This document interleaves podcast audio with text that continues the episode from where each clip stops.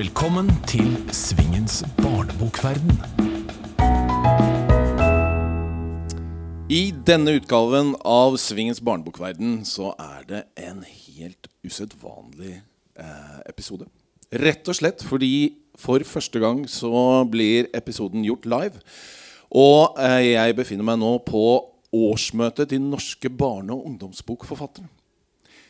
Eh, forkortet NBU. Og NBU fyller i år 70 år. Og i den forbindelse så har jeg to gjester som i år også fyller 70 år. Det er forfatter Per Olav Kollestad, og det er forfatter Karin Kinge Lindboe.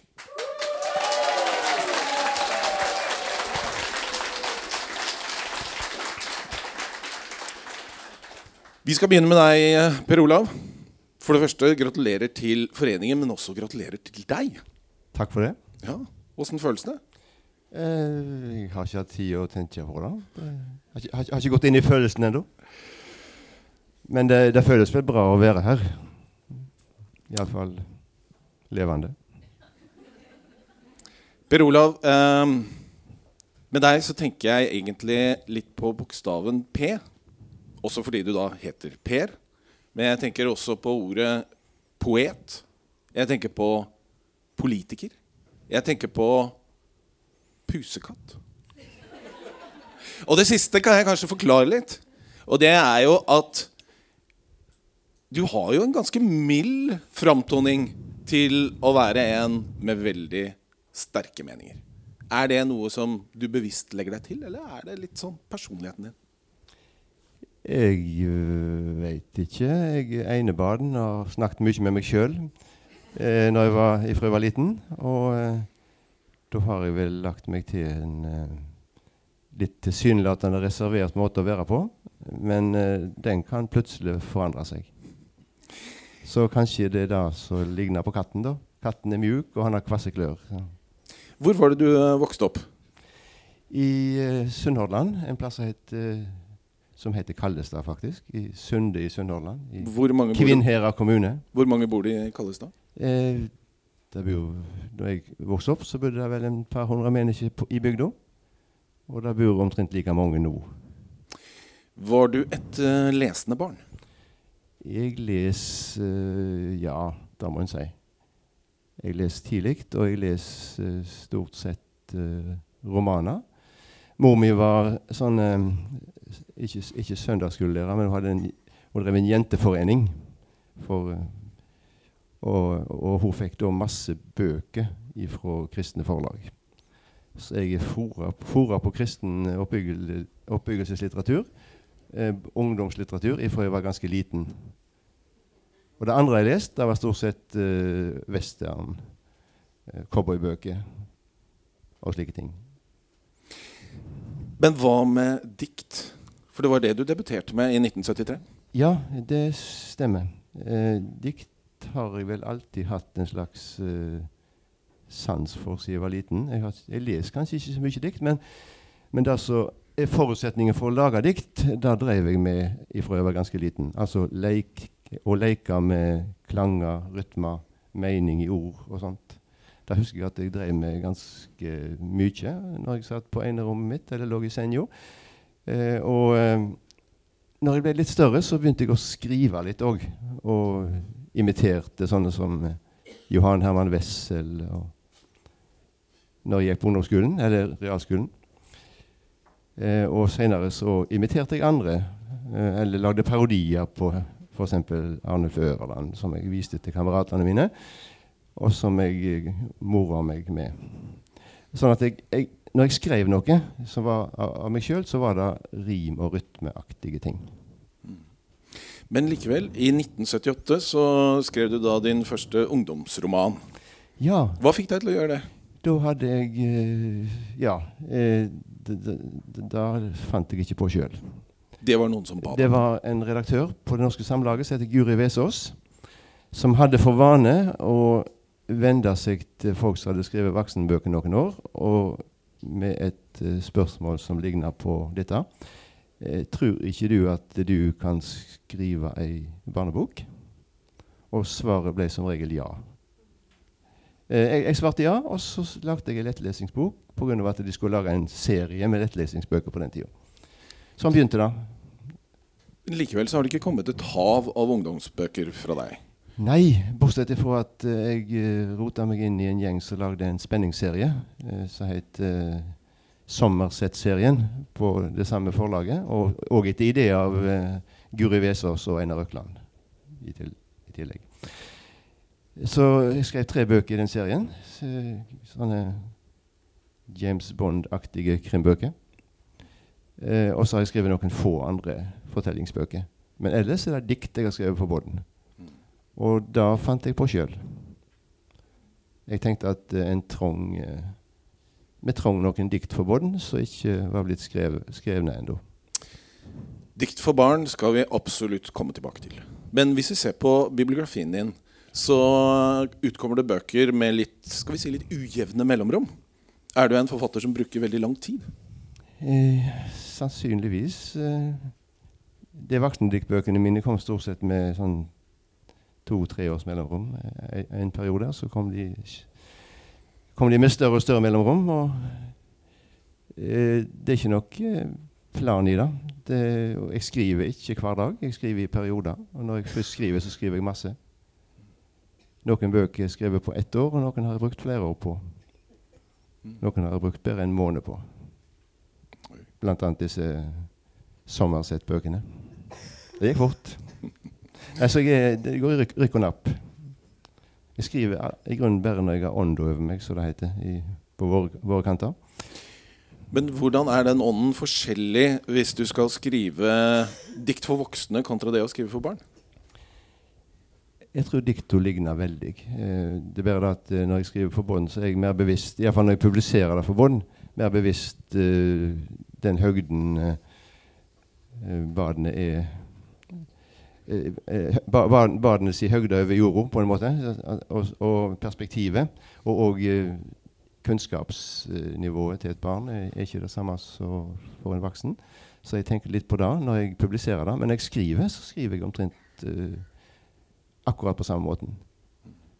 Og for meg er da poesien um, noe så Et forsøk på å gjøre synlig uh, noe som jeg enten tenker eller, eller, eller ser rundt meg. Min poesi eh, ligner veldig på sakprosa. Altså den, den viser til verden. Peker på tinga her og nå. Og er veldig knyttet til noe. Eh, sånn at eh, orda eh, Ja, jeg eh, prøver å finne ord for det jeg ser og tenker på. Og um, når jeg skriver for Bodden, så tenker jeg òg uh, på at uh, de, et barn, opplever språket som noe som skal inntakes. Barna prøver grensene hele tida for det som er rett, det som er fint, det som er sant. Prøver det på de voksne, prøver det på andre, for, for, å beherske språket. For, for, å komme inn i det og beherske det. Men der er vi akkurat like. Badene og forfatteren. For forfatteren gjør nett det samme, men for å utvide språket. For å gjøre språket slik at det kan uttrykke ting som ikke har blitt uttrykt akkurat på den måten før. Du er jo litt inne på det som uh, nå eh, blir uh, første gjestespørsmål til deg. Det kommer da fra forfatter og ny NBU-leder Taran Bjørnstad. Eh, hun har et spørsmål som eh, Egentlig to spørsmål.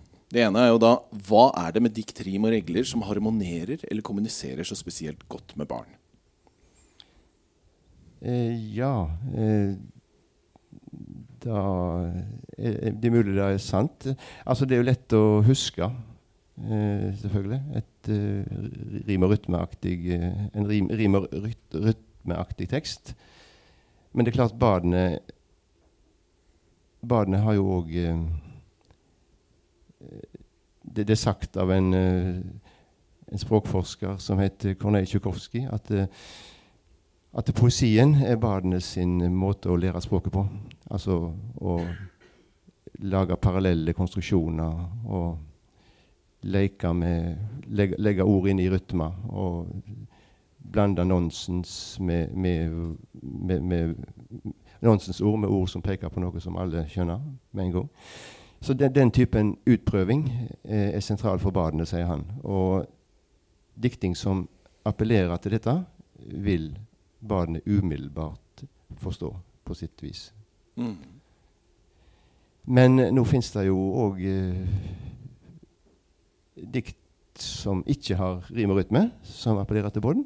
Fordi at de f.eks. appellerer til gleden ved å se ting på en annen måte. Nett som i gåte, gåtespråket. At du beskriver noe på en måte som er litt underlig, slik at barna må tenke, se seg om og se en, se en uh, kombinasjon. Jeg har skrevet en del sånne dikt for vården. For det andre delen av spørsmålet hennes er har du noen tanker om sjangeren i seg selv er spesielt godt egnet til læring? Eh, nei. Eh, altså til språklæring, jo. Til språklæring, absolutt. Eh, fordi at eh, poesien opererer jo med et sånt uh, veldig utsøkt språk. Det gjør jo all god litteratur, det må jeg skunde meg til å si. Men i poesien så er hvert ord veldig mye mer aleine enn i en lengre prosatekst. Slik at uh, hvis et, et, dikt kan jo være på tre linjer, sant? og da har alle ord kolossal vekt, egentlig, og de må, må være utsøkt. Uh, de må være utsøkte. Så Derfor så er poesien særlig språkdisiplinerende. Han er språkdisiplinerende samtidig så du kan slippe deg helt løs. Det er både samling og villskap i et godt dikt. Det skal være det. Syns det passer uh, fint å gå videre til uh, det neste gjestespørsmålet, som kommer fra forfatter Kari Sverdrup.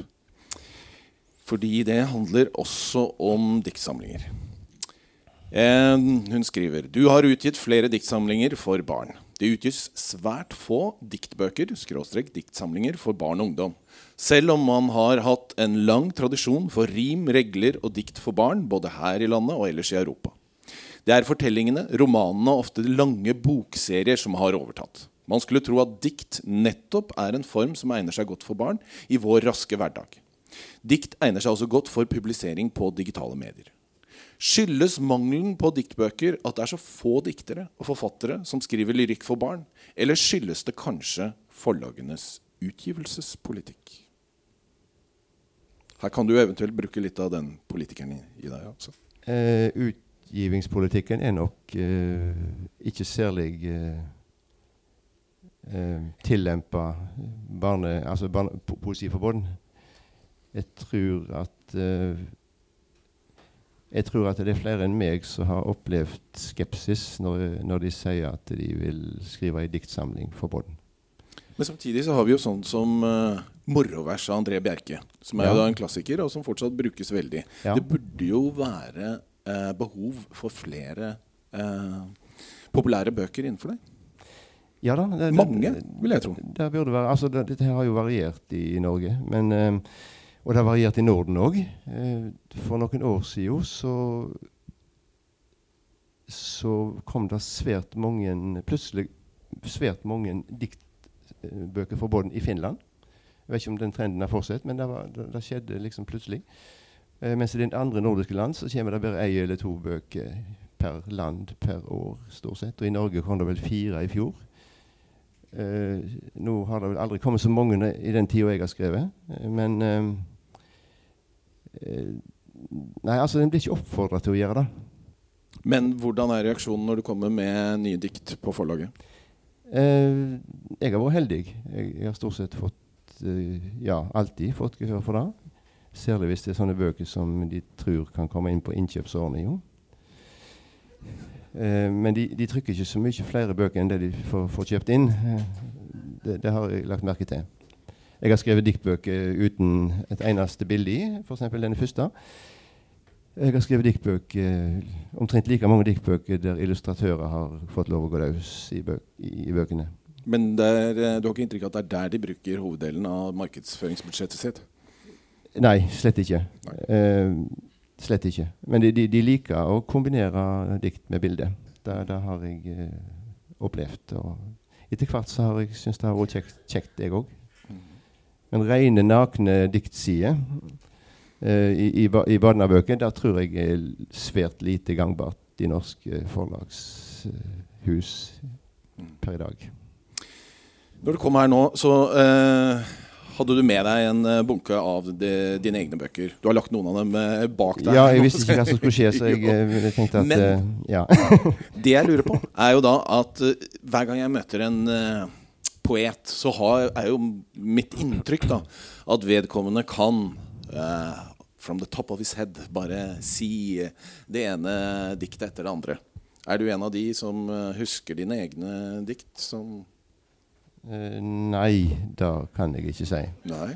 Du husker, husker du f.eks. noen av parodiene av Arnulf Øverland som du gjorde? Som, Nei, det, det det, hadde vært morsomt å få med seg. Nei, det Men kan du, kan du hvis, hvis jeg ber deg nå, hvis jeg virkelig sier at Kan du Jeg en veldig hardt nå.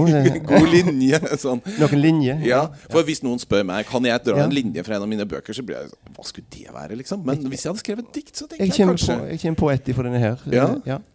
Det er korte dikt, dette her. Eh, Et av de første dikta heter 'Lys', og det går vel slik. Sola lyser på månen, som lyser på meg. Det er nokså råflott.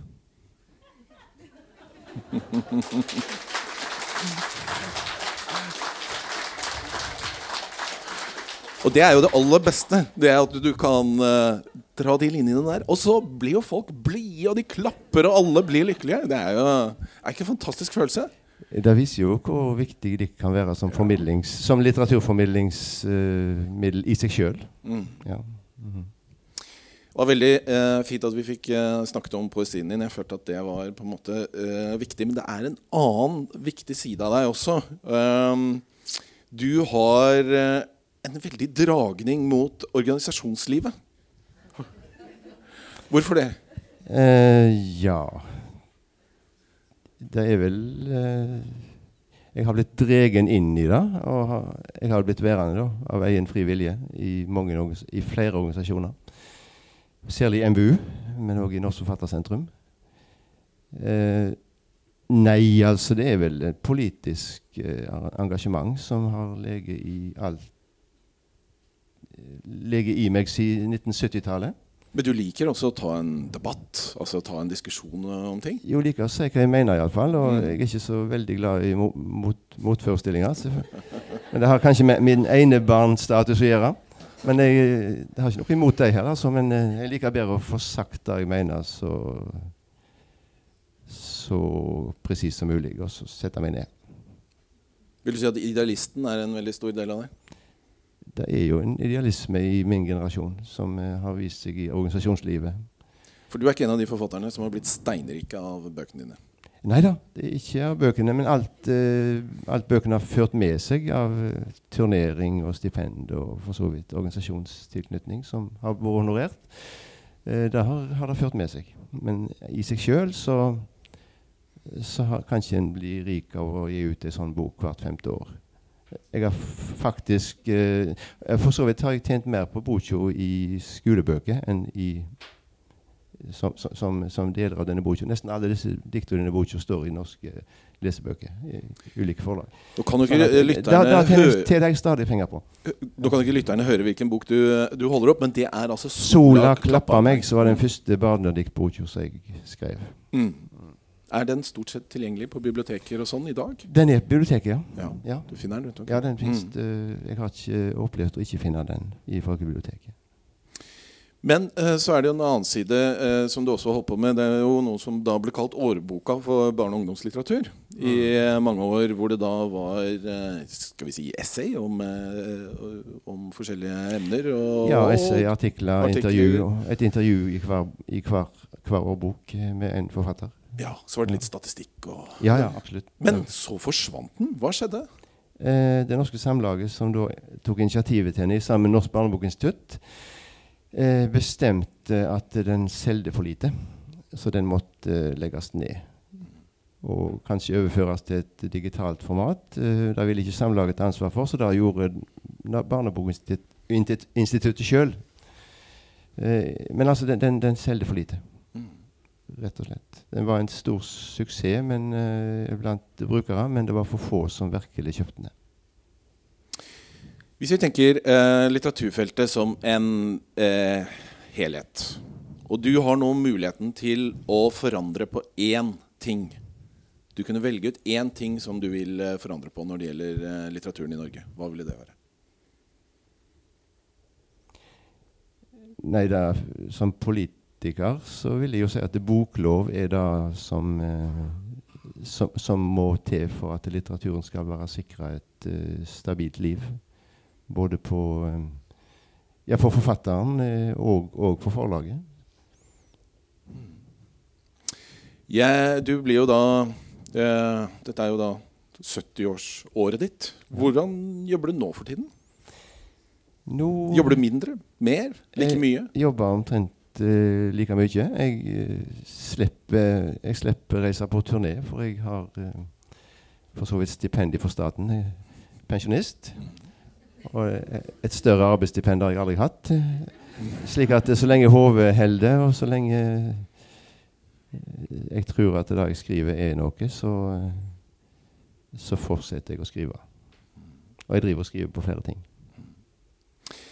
Gjennom et eh, langt forfatterliv så har jo du opplevd eh, mye forskjellig. Og jeg har bedt deg om en forfatteranekdote. Og nå er jeg spent på hva du har å by oss. Ja, eh, jeg har vært spent på hva jeg kom på, jeg òg. Men jeg tror jeg vil ta en liten anekdote fra turnélivet i, i, eh, i, i grunnskolen.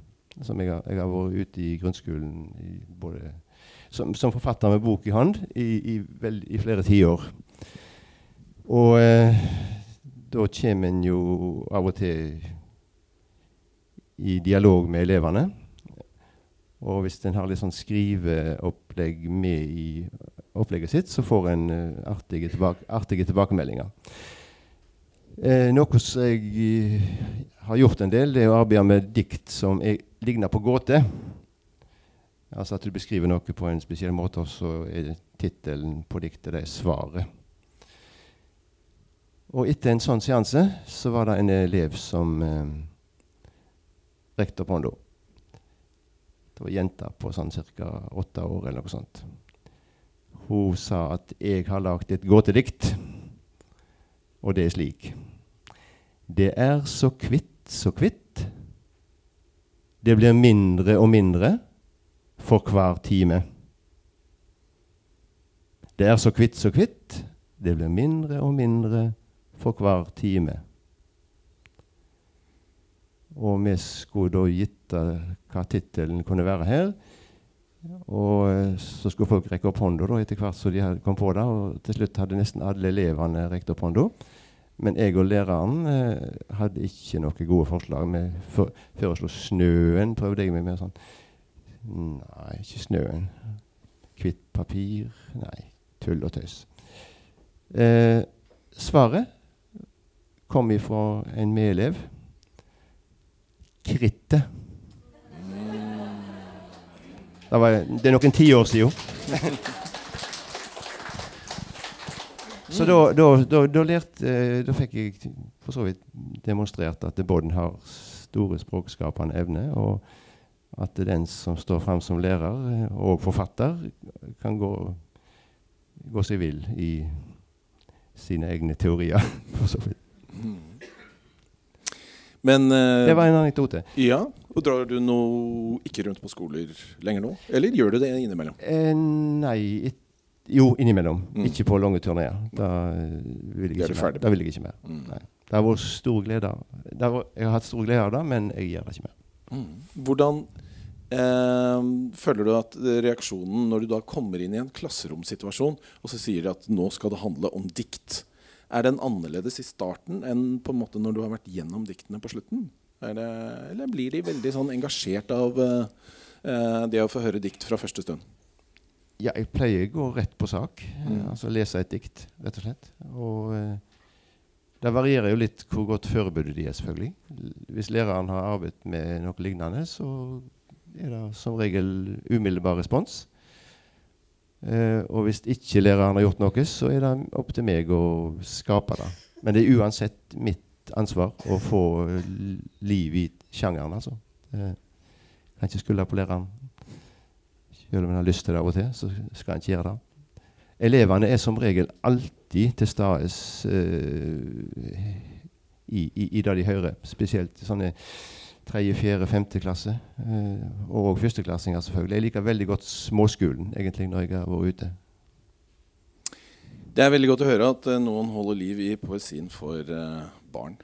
Det, men vi skal likevel gå videre. Fordi vi har en eh, gjest til i dagens episode. Det er deg, det, Karin Kinge Lindboe. Du uh, fyller jo også 70 år i år, så ja. gratulerer. Tusen takk. Hvordan føles det? Jeg tenkte at jeg følte meg litt gammel. Og så tenkte jeg plutselig at jeg er tre år yngre enn Mick Jagger, og da hjalp det veldig. jeg syns ja. Er det sånn at jeg kan be deg synge i løpet av denne episoden? Absolutt. Mm. Skal tenke på det. tenke på det. Men um, aller først så skal vi altså komme til det punktet som du verker etter. Og det er jo da at jeg har bedt dere om et spørsmål uh, til hverandre. Og da tenkte jeg Karin, at du skulle få begynne med ditt spørsmål til Per Olav. Ja, For nå er jeg full av beundring og dyp respekt etter å ha hørt på deg. Og så tenkte jeg nå har jeg en poet her og som snakker den vakre dialekten sin. Og hva ville vel være bedre, tenkte jeg, enn å få en poet med vakker dialekt til å fortelle om sitt første kyss.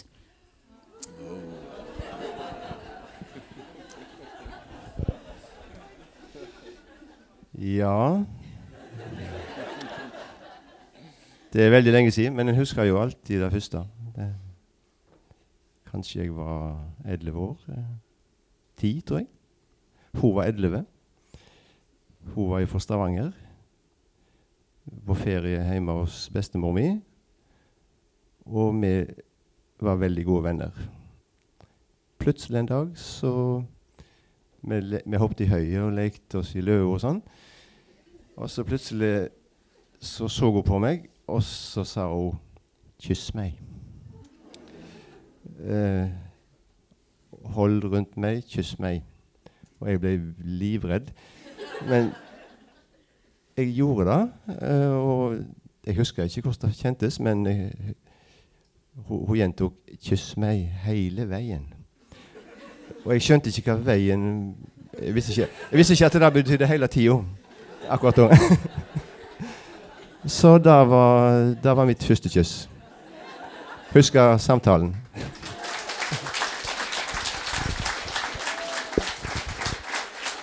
var det jeg visste. Det ville bli vakkert. Per Olav, før vi slipper deg, så skal jo du selvfølgelig få stille ditt uh, spørsmål til Karin. Ja. Eh, du har skrevet realistiske bøker om til dels uh, tøffe tema. Og du har òg skrevet fantasybøker eller fantastikk. Uh, uh, du begynte i realismen, og du holder på med realisme nå, men du har skrevet fant fantasybøker i mellomtida. Hva var det som førte til at du Hører dere meg?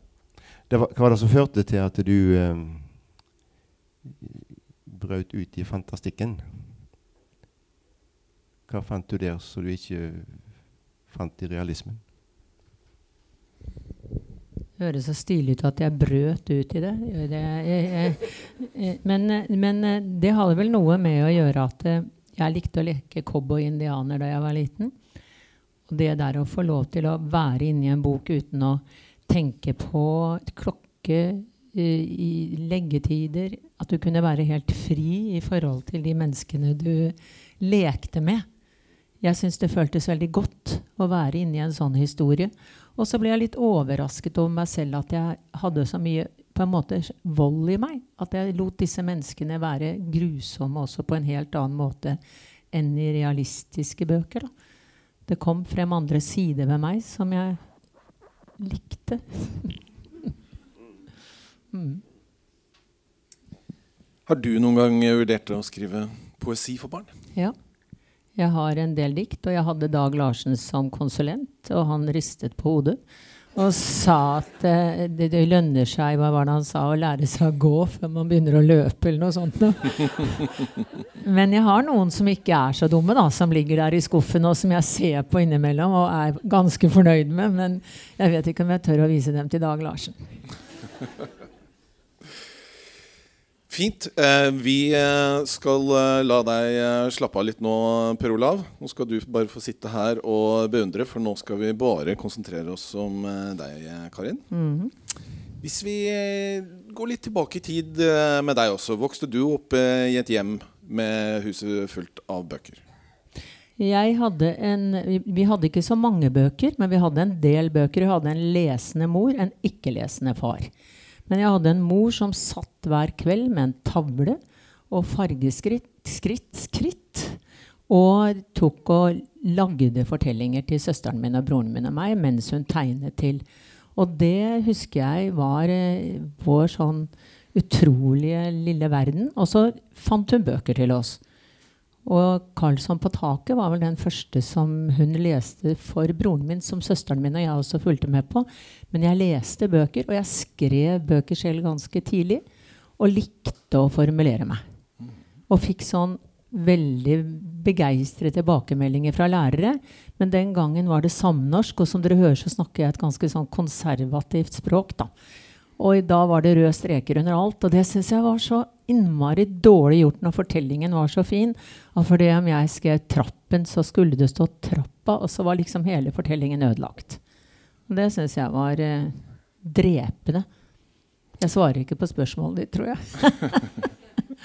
Jo, absolutt, det gjør du. Eh, men det jeg egentlig lurer mer på, er jo da hvordan oppstod den tanken at du kunne skrive egne bøker som du faktisk kunne få utgitt? For du debuterte jo da i 1992. Jeg, eh, jeg skrev vel ganske lenge og var sånn som fortalte historier til eh, barn som jeg kjente. Og skrev ned historier. Men jeg viste plutselig da en historie til Kjersti Skien. Og sa til Kjersti kan du gidder å lese gjennom denne. Jeg vet ikke hvordan den er. Og så sa hun denne Karin kan jeg få lov å vise den til et forlag. Og så dro hun til Aschehoug med 'Mormors hjerte'. Og det var egentlig en novellesamling som jeg fikk beskjed om å Du er samme person i alle novellene.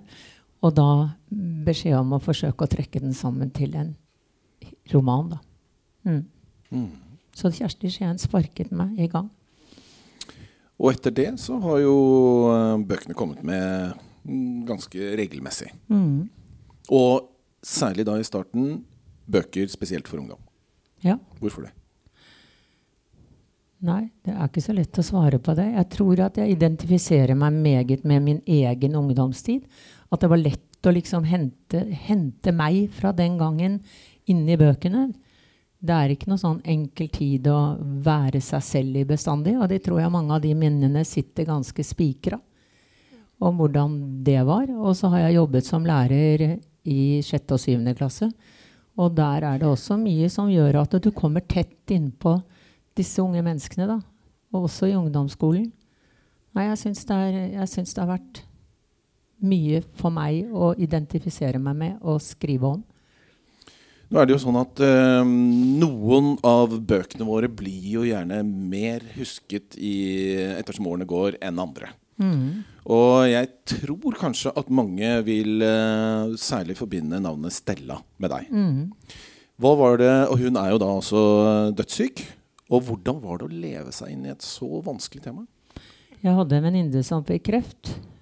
Og dette er ganske sånn, synes jeg, tungt nesten å snakke om. Men hun eh, var veldig nær. Og så forsøkte jeg å skrive en voksennovelle om henne. Og den, eh, den ble ikke sånn som den skulle bli, syns jeg. Det ble ikke henne. Men da jeg fjernet meg fra henne og fant Stella, som ikke var henne, men som likevel var syk, så ble historien annerledes. Den ble nærmere for meg. Og så ble den henne på en mye virkeligere måte enn når det var denne voksne venninnen som skulle dø. Og jeg syns den er veldig sørgelig. Jeg leste den høyt i den klassen jeg hadde da, under syvende klasse, og begynte å gråte. Og da sa en av gutta, Karin, 'Jeg kan overta'. Det var så nydelig, da.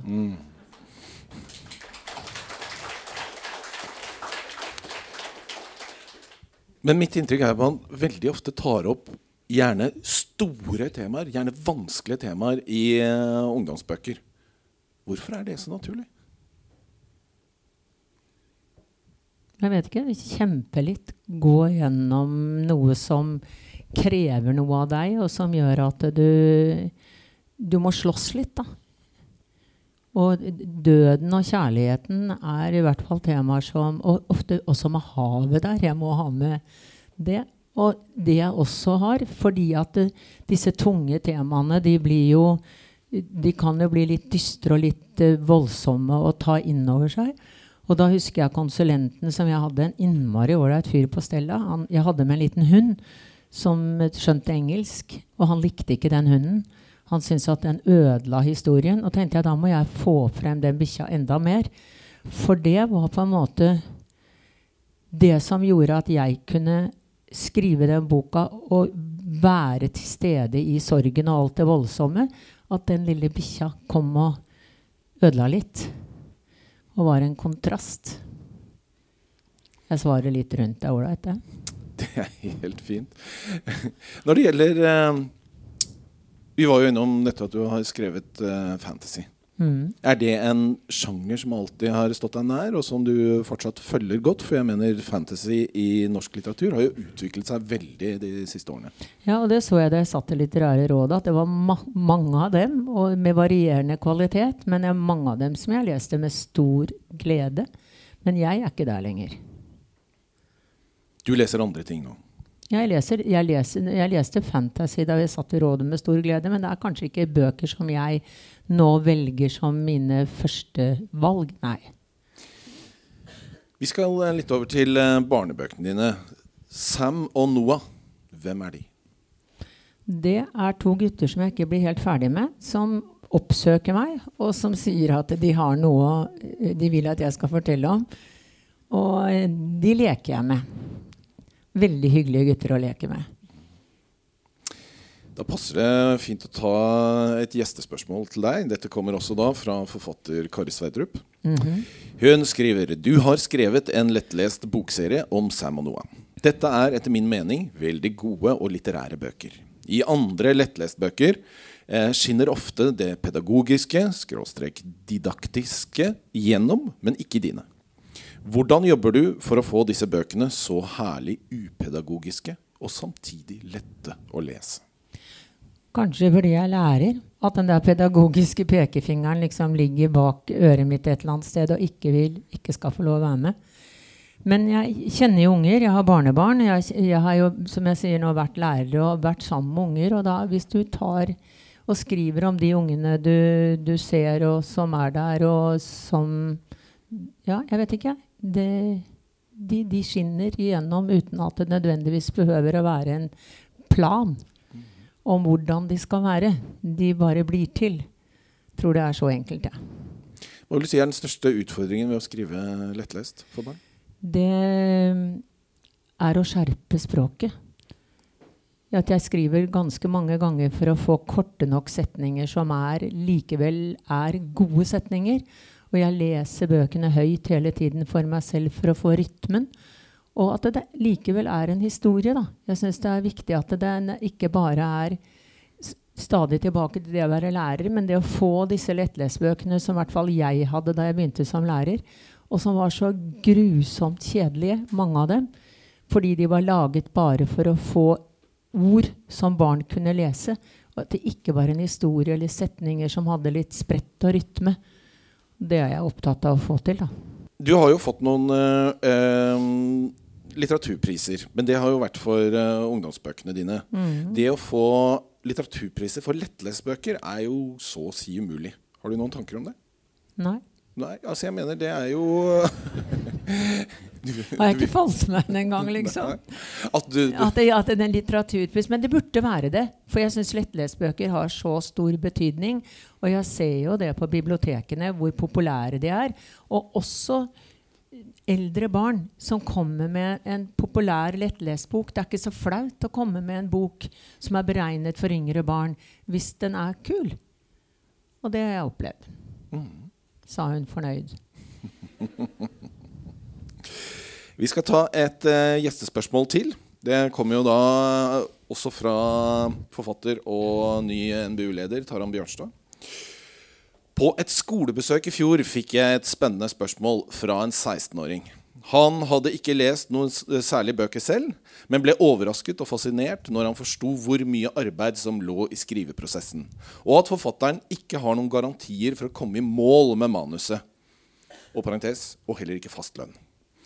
Hans spørsmål, som jeg gjerne vil stille deg, var Når og hvordan kan du vite at ideen til en bok er så god at du bør satse på den? Nei, jeg vet ikke. Jeg har jo skrevet f.eks. en bok som jeg var veldig fornøyd på og ville satse på, og syns var eh, en, eh, en frittstående oppfølger av Stella. Da. Og den ville ikke forlaget ha. Og det, så man kan jo ta feil i sånne ting. Jeg trodde jo at den var eh, en bok som jeg var fornøyd med, og som jeg tenkte denne vil gå videre. Og den kan jeg satse på. Men det er jo noe som kan sette en stopper for en sånn idé. Men så ble den tatt likevel, da. Til slutt, etter to år, så kom den ut. Men uh, det er ikke lett å vite Du vet det inni deg, men det er jo ikke an alltid andre er enige i de tankene du gjør deg rundt boka di. Jeg skal stille deg eh, noe som jeg tror eh, blir et litt vanskelig spørsmål. Det kan hende det ikke er det. Jeg vil gjerne at du skal fortelle en styrke og en svakhet du føler du selv har som forfatter. Jeg er ganske ustrukturert. Jeg er ikke sånn som skriver, jeg har gule lapper og har en, en, en slags plan. Jeg, eh, Er det dette styrke eller svakhet? Jeg tror det er begge deler, kanskje. Jeg tror nok det. For det ender opp med at de personene begynner å leve med meg og gjør noe med meg. Men samtidig så opplever jeg det som frustrerende og kanskje en svakhet sånn i utgangspunktet når jeg ikke føler at jeg har en plan. Men så blir svakheten en styrke til slutt. Jeg sier ikke mer.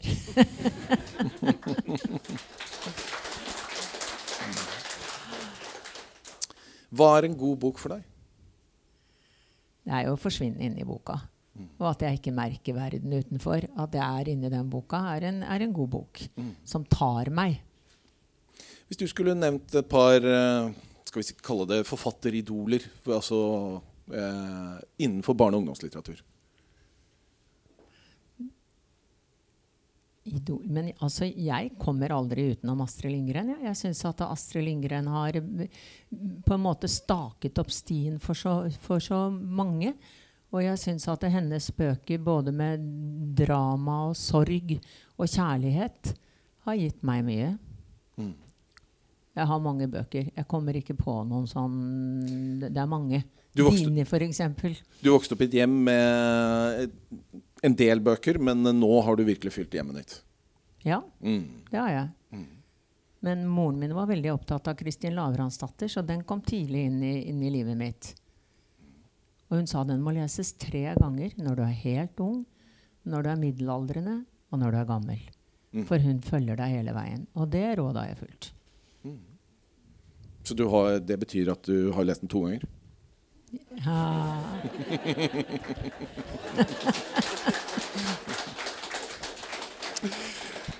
Men nå, da? Nå eh, som 70-åring, eh, skriver du mye? ja. Jeg gjør det. Jeg syns det er godt å sitte der og skrive. Ikke alltid så strukturert som du har skjønt, men jeg skriver. Og jeg har alltid noe som jeg skriver på. Og nå var det en som sa at kan du ikke ta frem noen av de gamle diktene dine og de gamle novellene? Og kanskje jeg skal begynne å grave litt. Det er hyggelig det òg, nå som man er fylt 70, å begynne å grave litt i det man har liggende. For alle har jo noe liggende. Ja, for du har jo skrevet noe som er litt eh, eh, Eller som er veldig personlig. Du har jo skrevet en bok som heter 'Far og Sachsenhausen'. Mhm. Den er vel for voksne, men dette er jo et tema som uh, kanskje er eh, viktigere, veldig viktig at ungdom også får et innsyn i. Den brukte jeg veldig lang tid på. Og nå var jeg så heldig at Kine Hellebust inviterte meg til bokdager i Bodø i, i fjor. Og da hadde jeg ungdom som hørte på. Og det visste jeg på en måte, at unge mennesker er opptatt av akkurat den krigen. Og det var eh, veldig moro å, å få respons fra det. Men jeg har også vært i en femteklasse med far og Saksenhalsen. Og det tenkte jeg, hvordan går dette? Det var barnebarnet mitt som inviterte meg. Og etter en halvtime som vi fortalte og leste, da, det er jo ganske sterke scener som utspiller seg i Saksenhalsen. Annet at han må se på en hengning, ikke sant. Men disse barna satt og fulgte med. Etter en halvtime så sa jeg nå er det kanskje nok, og da sa de nei, fortsett. Og så hadde de veldig sterke og intense og ordentlige spørsmål etterpå. Og da tenkte jeg de er elleve år, og de tar den boka til seg som den skulle vært skrevet for dem. da. Kan du ikke du si et par setninger om eh, bakgrunnen for at du skrev denne boka? Nei, far satt som fange da, i Saksenhalsen i to og et halvt år, og han snakket ikke så mye om krigen, men så begynte han å reise som tidsvitne. Og da begynte han plutselig å snakke om krigen nesten hele tiden. Og så ble jeg med ham til Saksenhalsen. Og så har jeg en far som er god til å fortelle, eller var god til å fortelle, og en mor som etter hvert ble med ham på disse reisene som en slags eh, pådriver for at han sa hele tiden 'Husk, jeg var ingen helt'. Slik at han dempet alltid sin egen historie, for han kom jo dit som politisk fange. En kino hvor han så en film om våpenopplæring. Alle, kinoen ble opp, omringet, og alle som var der, ble sendt til Saksenhalsen. Først til Grini. Så han hadde jo ikke fått gjort noen heltedåd. Han hadde ikke fått gjort noen verdens ting egentlig, annet enn å melde seg inn i Milorg og bli sendt til Saksenhalsen. Men de to og et halvt årene der var likevel nokså forandret, forandret ham mye. da. Han ble en mann som var mye søvnløs. Og, eh, og det å være med og høre på ham, det var sjokkerende. For jeg trodde at Saksenhalsen var et hyggelig sted. Far sa alltid det. Vi sang mye der nede, sa han. Det var eh, gutta og jeg. Vi hadde, det var god stemning. Og de hadde klubb hjemme hos far og mor etter krigen, og det var latter og lek. Og de sa liksom Søsteren min og jeg lå i køyesengen og sa nå har de det hyggelig. Nå tenker de på Saksenhalsen og den gode tiden der. Så jeg, da jeg kom dit Jeg hadde jo lest om krigen og lest bøker om krigen, men det at faren min hadde hatt det sånn, det hadde ikke jeg skjønt. Men Hvordan var det å skrive en eh, så personlig beretning kontra det å skrive mm, skjønnlitteratur? Tungt, syns jeg, fordi jeg måtte være trofast mot fars historie. Og på en måte ta vare på den han var. I, i, i, den, i den personen han var. da. Samtidig som jeg ville ha det litterært. Jeg ville at det skulle være min stemme også som formidlet dette. Og det har tatt tid. Og så intervjuet jeg far, og så måtte jeg frigjøre meg fra det intervjuet. Og så ble det en ålreit bok. Syns jeg. Og han fikk aldri hørt den. Da var han blitt dement. Og så sa han du Karin, skriver ikke du en sånn bok om meg? Og da hadde jeg lest den, det jeg hadde skrevet for ham, da, men det husket han ikke. Vi er jo uh, fortellere som uh, forfattere. Og jeg har eh, utfordret også deg til en forfatteranekdote. Så da er ordet ditt. Ja. Jeg var på en skole, og det var fredag ettermiddag. Og de var vel en 15-16 år, de elevene som var der. Og de var ganske klare for å reise hjem. Jeg tror de bodde på skolen. Og jeg skjønte at de var ikke så veldig interessert i det jeg fortalte og leste om. Enda det var en gripende historie, da, synes jeg, om en jente som mister hunden sin, og den dør, og de begraver den. Og bakerst satt en veldig streng lærer med runde stålbriller og sånn islender, sånn genser som var litt sånn hjemmestrikket, og med grått, litt sånn sint hår, og så på meg og var ikke spesielt interessert, han heller. Så jeg tenkte ja, ja, det er fredag, og det er slutten, og snart er timen slutt. Og så forsvant de da det ringte ut, og så kom læreren bort til meg, og så sa han om denne hunden, da, så sa han jeg hadde også en hund en gang. Ja, sa jeg, det, det var ikke bare en hund. Det var faktisk min beste venn, sa han, og så begynte han å gråte. Og det var så sterkt. mm. Da skal vi faktisk runde av. Vi, jeg vil eh, minne alle lyttere på at det kommer en eh, ny episode av eh, Svingens barnebokverden om en måned. Da er gjestene Ingunn Aamodt og Tor Arve Røsland. Eh, men først og fremst så vil jeg da takke deg, Karin Kinge Lindboe.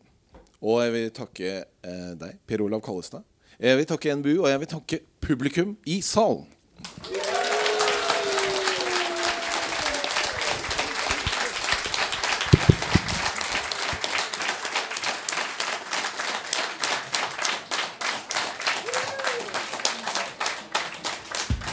Du har hørt på Svingens barnebokverden med Arne Svingen.